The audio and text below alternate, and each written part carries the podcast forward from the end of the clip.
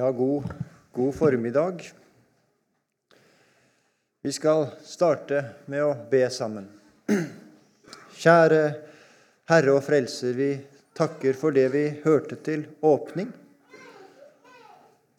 om at du frelser syndere, og du har gjort det som skal til for at syndere kan stå rene og frie for deg. Det er ditt verk, det er din gjerning.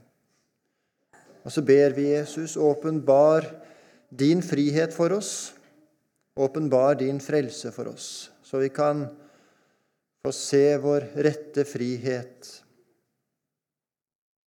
Stell med oss hver og en, Jesus. Du kjenner oss og ser hva det er vi trenger. Og vis oss hva det er vi trenger. Amen. Ja, overskriften over samlinga den er, som vi har hørt flere ganger, ifra 5. Mosebok 33, 27. En bolig er den eldgamle Gud, og her nede er evige armer. Guds arm, det er Jesus. Det er den han bruker til å frelse med. Det er den han bruker til å jobbe med deg og meg med. Og vi skal stanse ved et vers i Salme 40, hvor vi leser om Guds arm. Guds arm er ikke nevnt her, men det er likevel Guds arm vi leser om her. I Salme 40, vers 3.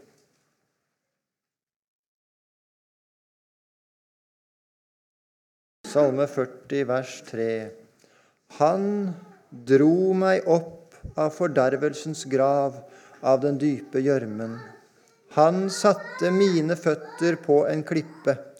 Han gjorde mine trinn faste. Han dro meg opp. Her ser vi kristendom.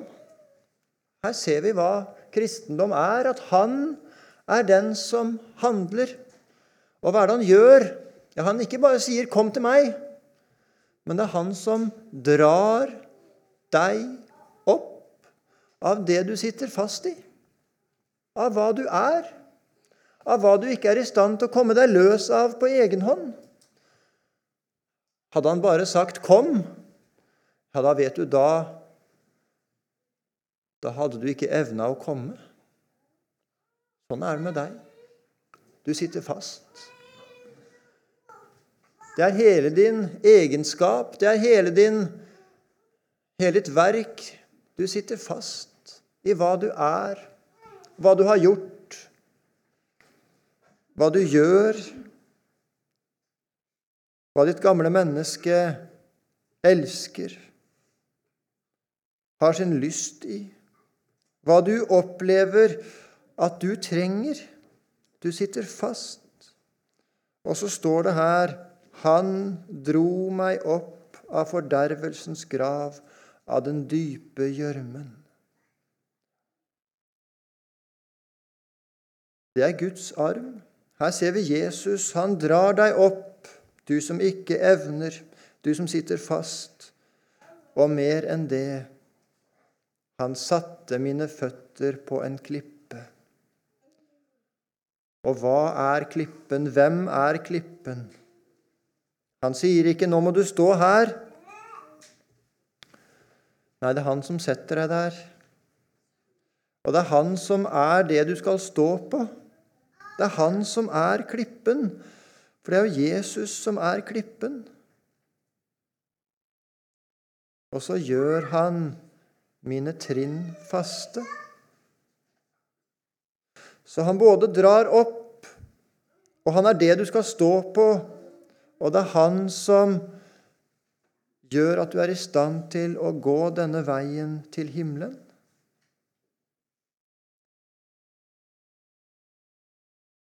Guds arm. Han er den eneste som kan frelse deg. Men han kan det også. Og ikke bare kan det, men det er han som allerede har gjort det som skal frelse deg, og har frelst deg. Det er han. Tenk om det skulle være deg.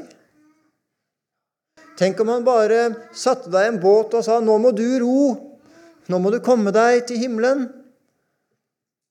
Ja, da hadde det ikke gått.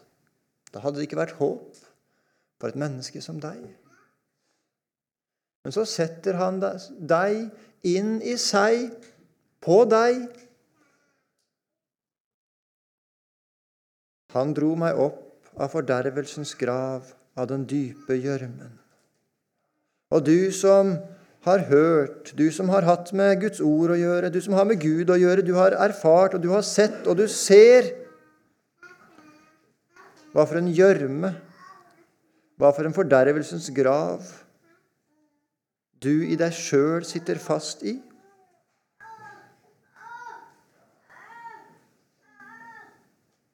Og vi sang i går, før, før bibeltimen min i går, om denne striden. Hvor vanskelig det er å være menneske. Hvor vanskelig det er å være kristen, og hvordan du kjenner at verden drar på deg, og verden ser ut til å ha alle løsninger på dine problemer. Verden lokket mitt hjerte. Sånn er ditt og mitt kjød. Men så er det at Jesus, han kaller i sitt ord på en synder som deg. Han dro meg opp av fordervelsens grav, av den dype gjørmen. Han satte mine føtter på en klippe. Han gjorde mine trinn faste. Vi skal til den ene teksten som vi stansa ved i går, det ene verset vi stansa ved i går, ifra Jeremia 6, 16. Om de gamle stier.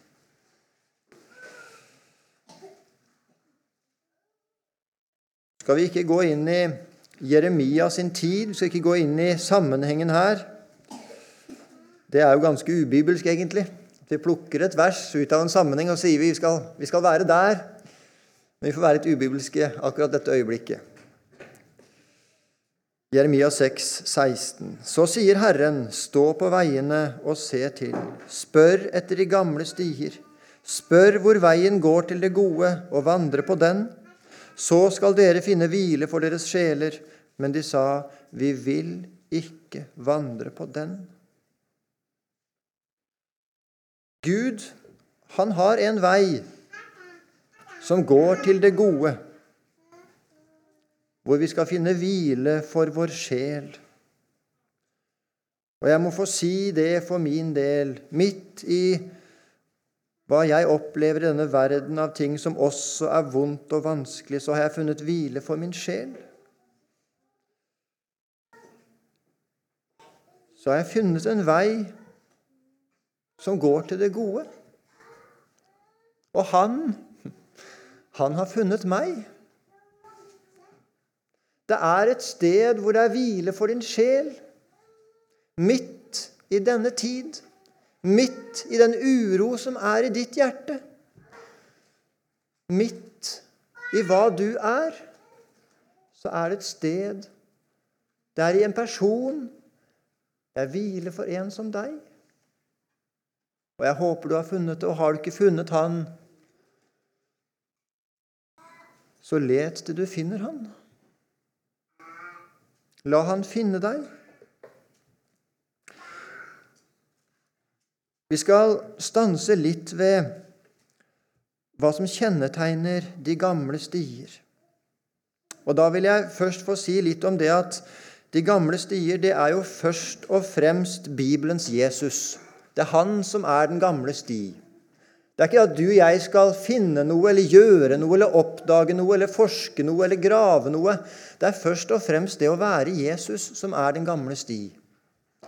Men så er det noe også i forlengelsen av dette, eller jeg vet hvilket uttrykk jeg skal bruke, som kjennetegner Den gamle sti. Og det er en gammel sti fordi det er Guds sti. Og det er den stien som alle de som har møtt Gud, fra Adam og helt fram til nå, det er den de har gått på, som er gammel. Den er fra før tidens begynnelse.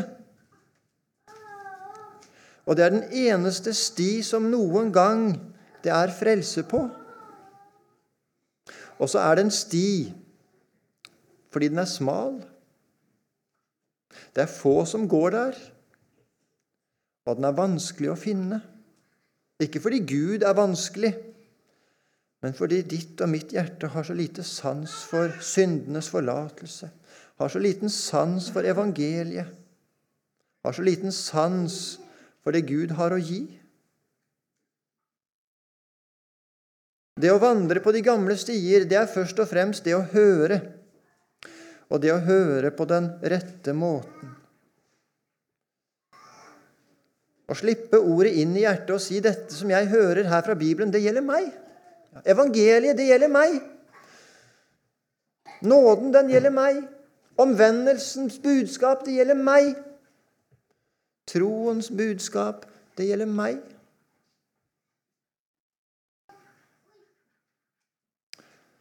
Det gjelder at evangeliet får skape både en vekkelse og uro i samvittigheten.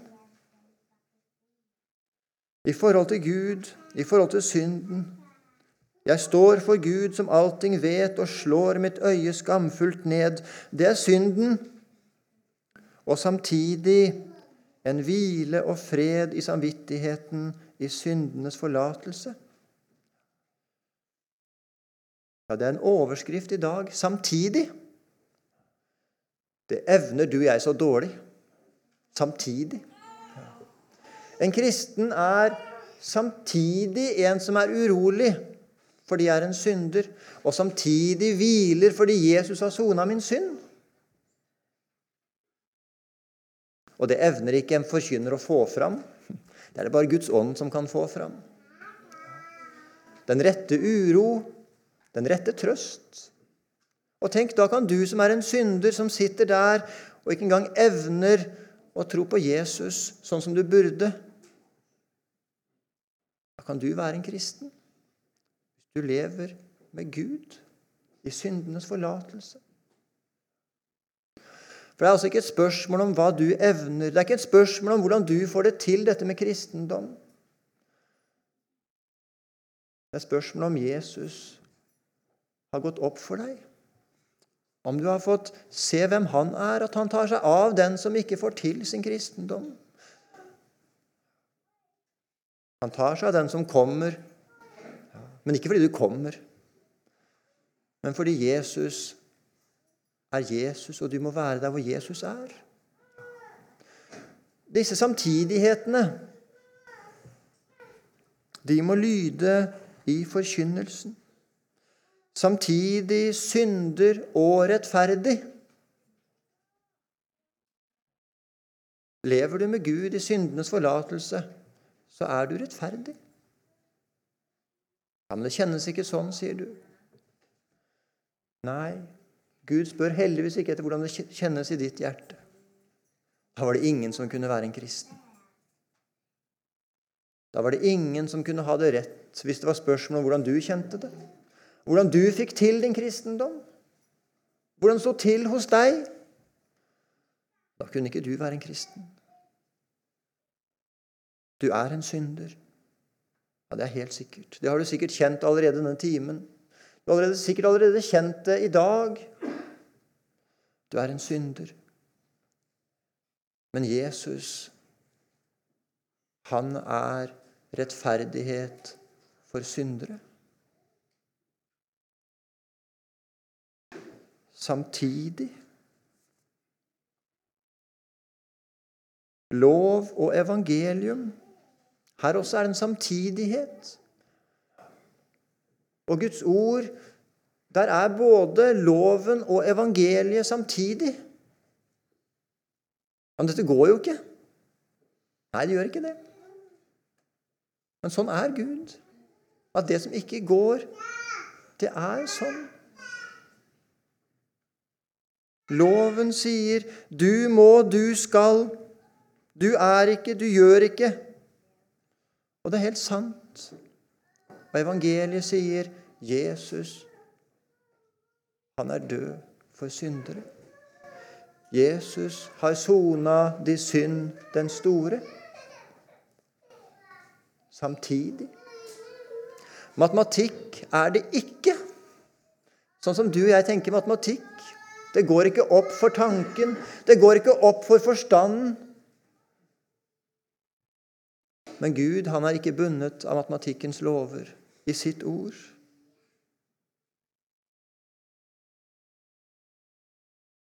Samtidig Guds vrede over synden og kjærlighet til synderen. Åssen skal man forkynne det, da? Åssen skal man stå her oppe og holde fast det? Det nytter ikke, det. Og samtidig så gjør Guds ord det. Det er ingen plass for synden hos Gud.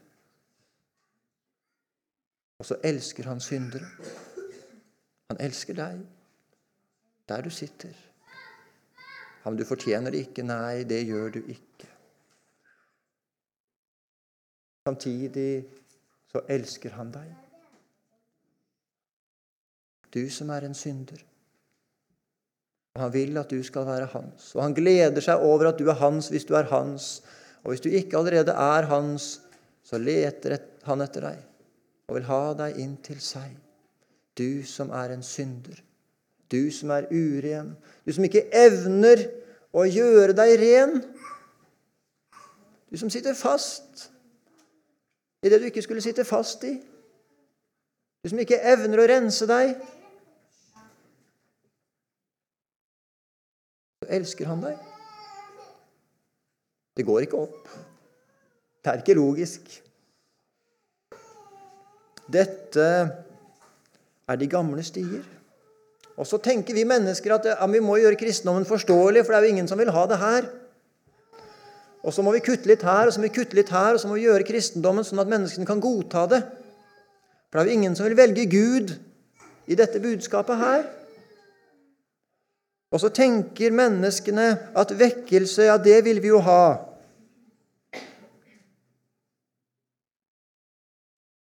Vi vil jo vekke lysten. Du har jo lyst til å være en kristen, har du ikke det? Vi vil jo vekke interessen. Ja, du vil jo si, Jesus, vil, si ja til Jesus, vil du ikke det? Du vil jo høre Jesus til. Det er jo det beste, vet du. Så prøver vi å overbevise på den ene måte, på den annen måte og på den tredje måte. Og så prøver vi å få interessen, viljen og lysten til å bli en kristen. Ja, Hvis det ikke blir noe mer enn lysten og interessen og viljen, da blir et menneske ikke en kristen. For når da lysten er over Det er noe annet som er litt blankere der borte. Det er noe annet som er litt mer interessant der borte. Det er noe annet jeg heller vil ha. Ja, hva skal jeg med kristendom da? Det er noe annet som må vekkes enn lyst. Samvittigheten, sier Carl Fredrik Wisløff, og flere med han. Det er den som må vekkes. Jeg står for Gud. Jeg hørte ei mor som i beste mening også sa til sin sønn etter et møte Får du ikke lyst til å bli en kristen når du hører hvor godt det er å være en kristen? Jo, vi må få fram det også, hvor godt det er å være en kristen. Det må vi få fram. Men det er jo ikke det som skal frelse et menneske. Det egentlige problemet ditt, det egentlige problemet mitt, det er synden. Ikke om jeg har lyst eller ikke lyst. De nye stiene nå, og det er rett inn i ditt og mitt hjerte, rett inn i din og min tid, det er at vi som er vi som er kristne, og vi som går på møter, vi er mer sånn konsumenter. Hva er en konsument? Det er en som skal kjøpe noe. Og så må den som står her, den må overtale deg til å kjøpe det. Og Hvis ikke jeg er god nok til å overtale det, så vil du ikke ha det. Da går du et annet sted. Det er noe annet som er blankere, noe annet som er morsommere, noe annet som smaker søtere. Så vil du ikke ha det. Sånn er det i dag. Og Så sitter du der nede og lurer på ja, er jeg villig til å kjøpe denne varen Lars Erik selger i dag, eller skal jeg gå for noe annet? Sånn tenker mennesker i dag. Og så må Gud ha noe å gi, sånn at de som sitter der nede, de vil ta det imot. De vil ha det. Og hvis ikke Gud har noe å gi som det enkelte mennesket tenker at 'dette syns jeg høres morsomt ut', eller bra ut, 'dette dekker mine behov' Det er ikke et spørsmål om hvordan skal jeg få en nådig Gud? Ved meg jeg er fortapt. Åssen skal det gå med meg?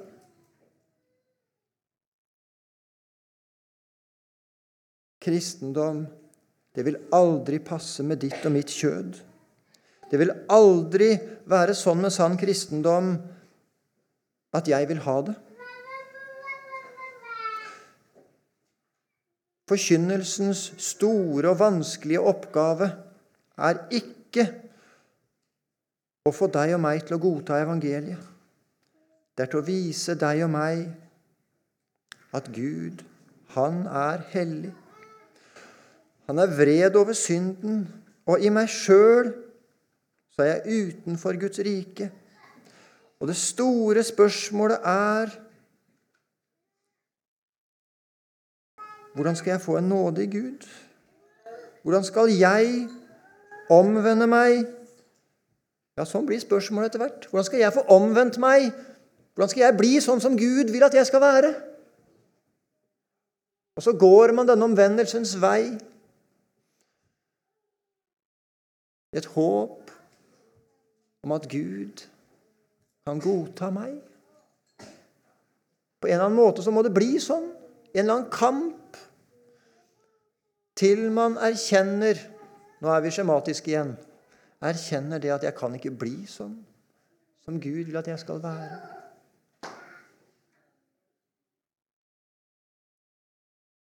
Men det må bli en omvendelse. Det må bli en kamp. Det må bli Det var et før, og nå går jeg mot himmelen.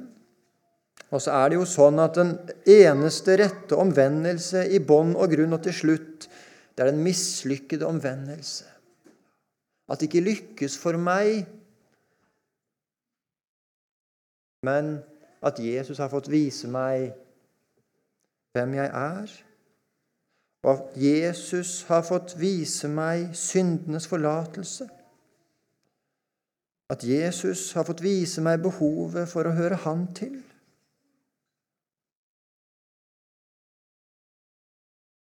Syndens veldige alvor, syndens makt, ja, det er de gamle stier. Det er ikke sånn at en kristen er ferdig med syndens alvor og syndens makt i det øyeblikket et menneske blir en kristen.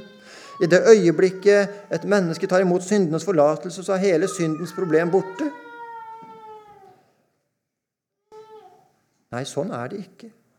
Synden er forferdelig farlig. Fordi synden har et grep om mitt gamle hjerte. Synden er jo mitt gamle menneskes førstevalg, andrevalg, tredjevalg, fjerdevalg, femtevalg. Sånn er det. Det er der jeg har mitt liv. Det er mitt gamle menneske. Jeg blir ikke ferdig med det.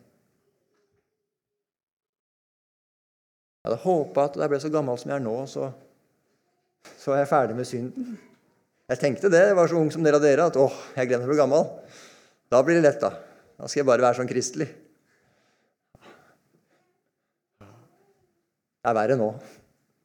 Jeg husker da de gamle sa det da jeg var ung. Nei, nei, du har ikke greie på det. Du har glemt åssen å være ung, du. tenkte jeg da. Nei, jeg har nok glemt det. Jeg har nok det. Vi er der hvor vi er. Det er andre synder. Det er det nok. Det er andre strider. Det er det nok.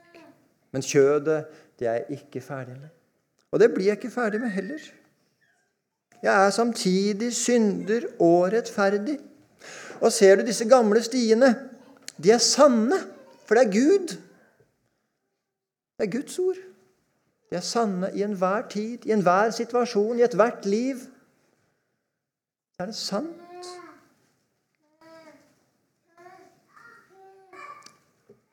Og de gamle stiene de peker inn på selvprøven er jeg på den rette vei? Det hender det blir sånn med en kristen, mer eller mindre erfaren, at jeg tenker at det er rett med meg. Ja, nå er jeg trygg, for det er rett med meg. Nå har det ordna seg for meg. Og Kanskje særlig en første tid så kan det være sånn. Ja, nå er det rett med meg.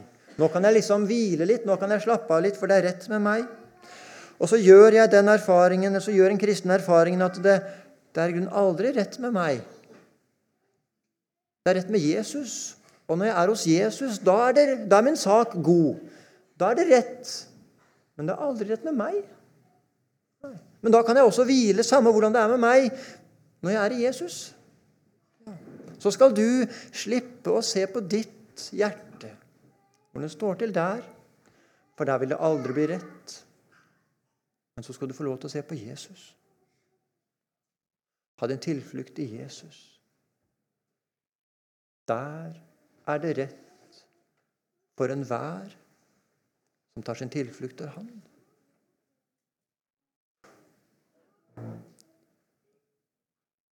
Det er så mye kristendom i vår tid som fører med seg virkemidler som ser ut som frihet, men som fører til opplevelsestreldom, følelsestrelldom, stemningstrelldom, gjerningstrelldom og menneskefrykt.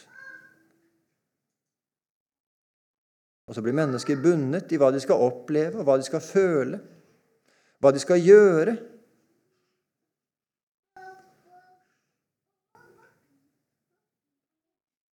De gamle stier de fører fri fra opplevelsestrelldom, følelsestrelldom, stemningstrelldom og gjerningstrelldom. Og så fører det inn til Jesus.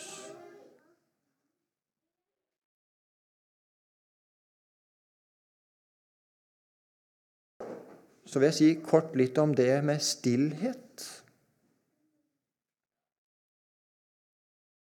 Jeg har hørt og lest en del om nettopp de gamle stier, og i den sammenheng også de nye stier i det siste.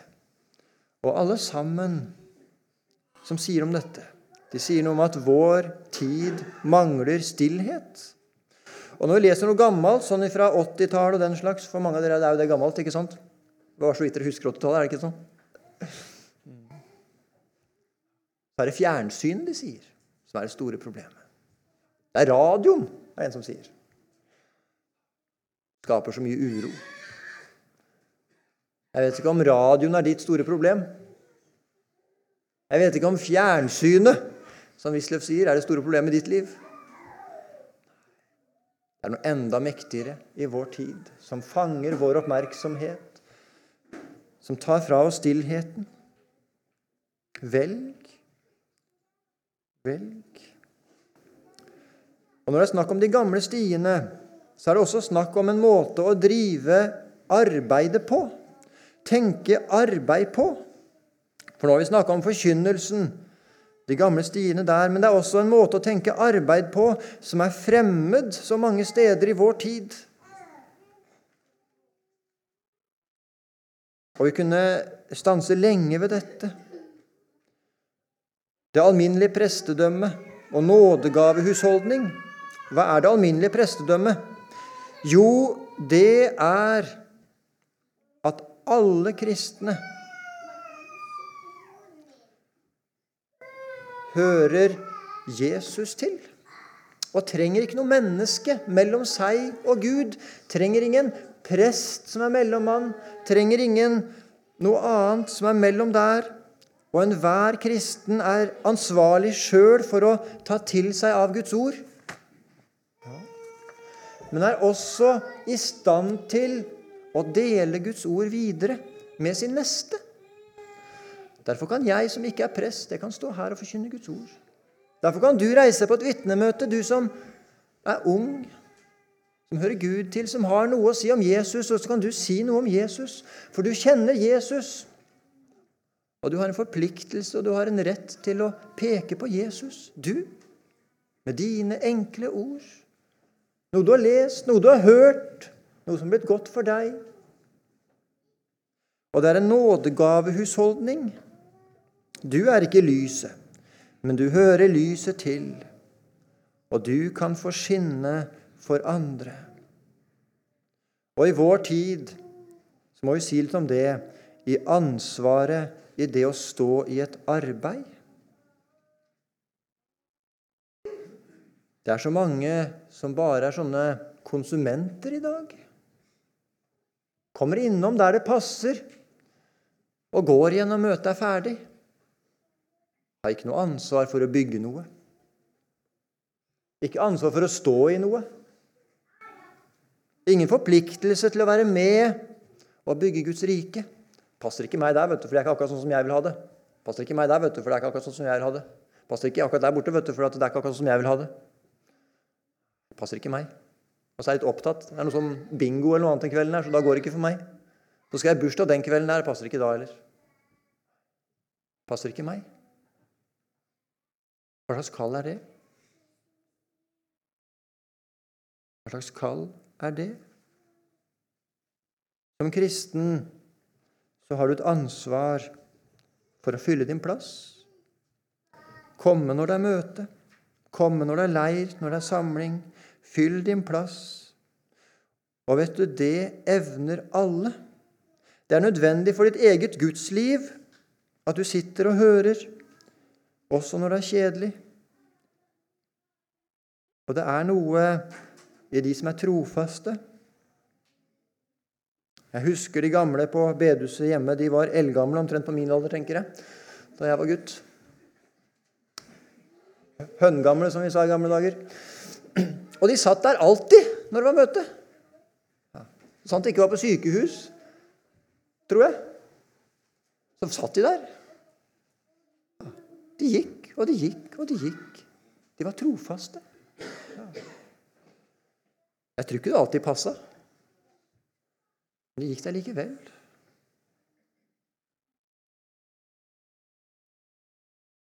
Og så så de en liten gutt. Så så de en ung gutt. De var ikke så veldig interessert i alt jeg holdt på med. Det var ikke det. Men de hilste. De visste hvem jeg var. Jeg visste ikke alltid hvem de var, men de visste hvem jeg var. Og ganske sikkert så, så ba de for meg.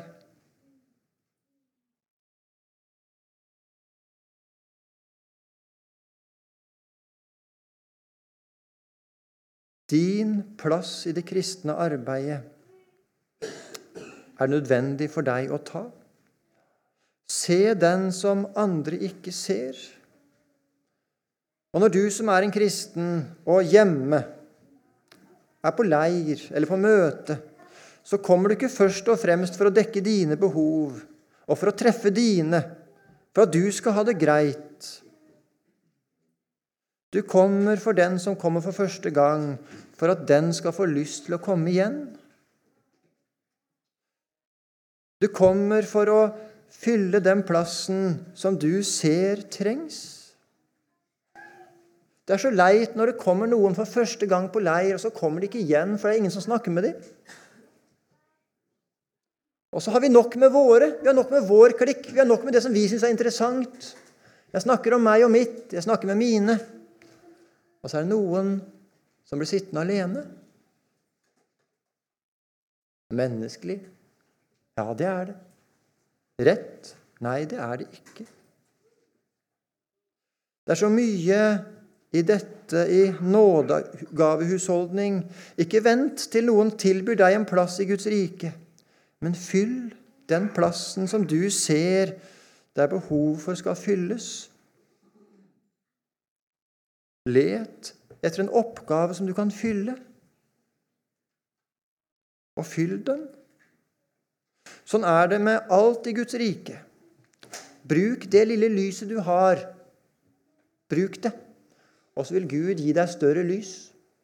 Vi vil så gjerne ha et stort lys, og så kan vi bruke det litt innimellom når det passer. Det er ikke sånn Gud driver med deg og meg. Gud er ikke som deg og meg. Og Gud er heller ikke sånn at han bruker den som kan brukes til noe. Det tenker jo gjerne at ja, men, jeg passer ikke til det. Jeg kan ikke brukes til noe. Jeg, jeg kan ikke fylle den plassen der. Nei, Gud er helt enig med deg. Det kan du ikke. Det er ikke derfor han kaller deg, fordi du kan brukes. Når Gud skal bruke et menneske, så gjør han han og henne totalt ubrukelig. I egen erfaring, egen opplevelse og i enhver åndelig situasjon totalt ubrukelig. Og så fyller han dette mennesket med sitt. Og så sier han, før du erfarer det også, at det er fylt, gå, sier han. Gjør det. Dette er mitt kall til deg. Han sa det til Moses, han sa det til Jeremia, han sa det til Jesaja. Han sa det til de alle sammen. Det er sånn han handler. Vi ser det i Bibelen, og vi ser det nå. Gjør det. Og så vil han sørge for at du havner mer eller mindre på rett plass, hvis det skal kunne brukes et sånt uttrykk om en kristen. Og vi kunne stanse ved mye av disse gamle stiene. Til slutt, er ikke det jeg pleier å si når vi nærmer oss midten? Til slutt Hvordan måler vi frukten i arbeidet vårt? Hvordan måler vi om vi går på de gamle stiene? Ja, Vi måler ikke nødvendigvis ved at vi er mange, men ved at det som forkynnes, er sant. Ikke ved at vi lykkes sånn menneskelig sett, men i det at mennesker møter Gud, ved at nådegavene fylles og er i funksjon, ved at samvittighetene både er vare og hvilende. De er vare for synden og Guds kall, og de er hvilende i Jesus. Og så måles frukten egentlig en generasjon etterpå. Ja, det er vrient. Vi skulle gjerne sett det nå. Men når du ser arbeid rundt omkring, så kan du se nå hvordan det ble drevet for en generasjon siden. Forkynnes ordet? Er det opptatt av evangeliet? Er lov evangelium noe man er opptatt av? Er det ikke det, så kan man se en generasjon tilbake og si hva er det som gjorde dette? Det er veldig ofte det er sånn.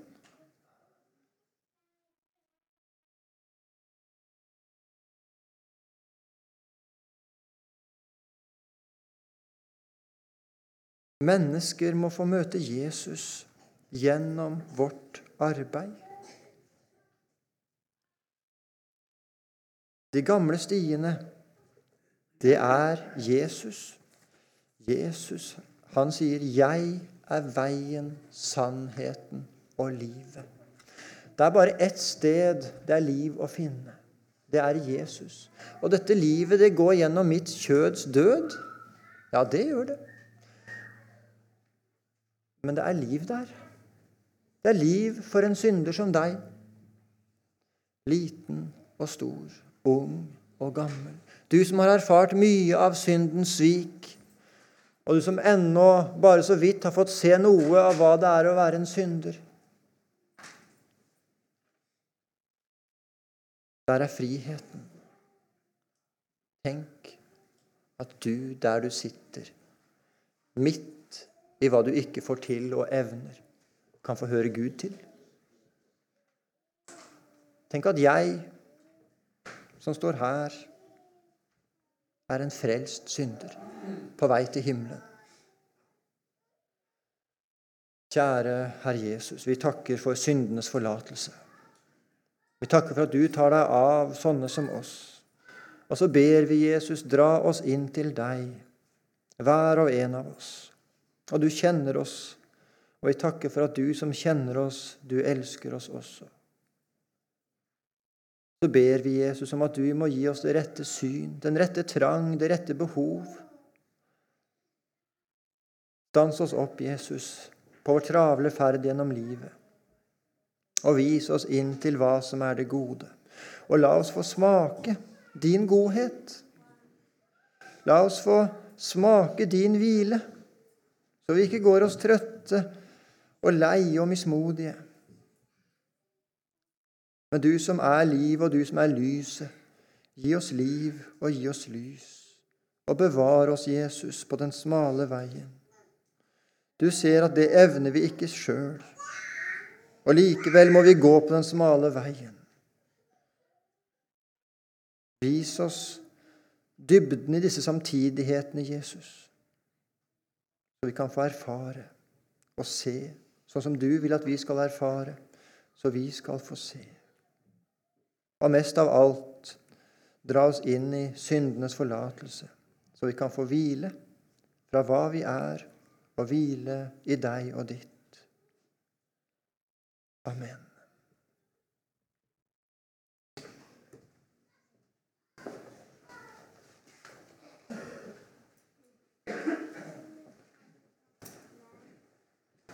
Takk skal du ha,